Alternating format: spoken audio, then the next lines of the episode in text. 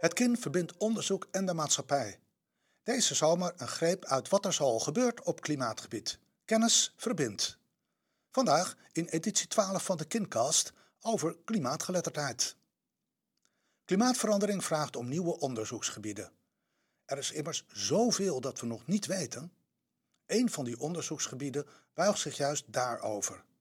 Janet Bessenbinder sprak in mei van dit jaar haar lectorale reden uit over klimaatgeletterdheid.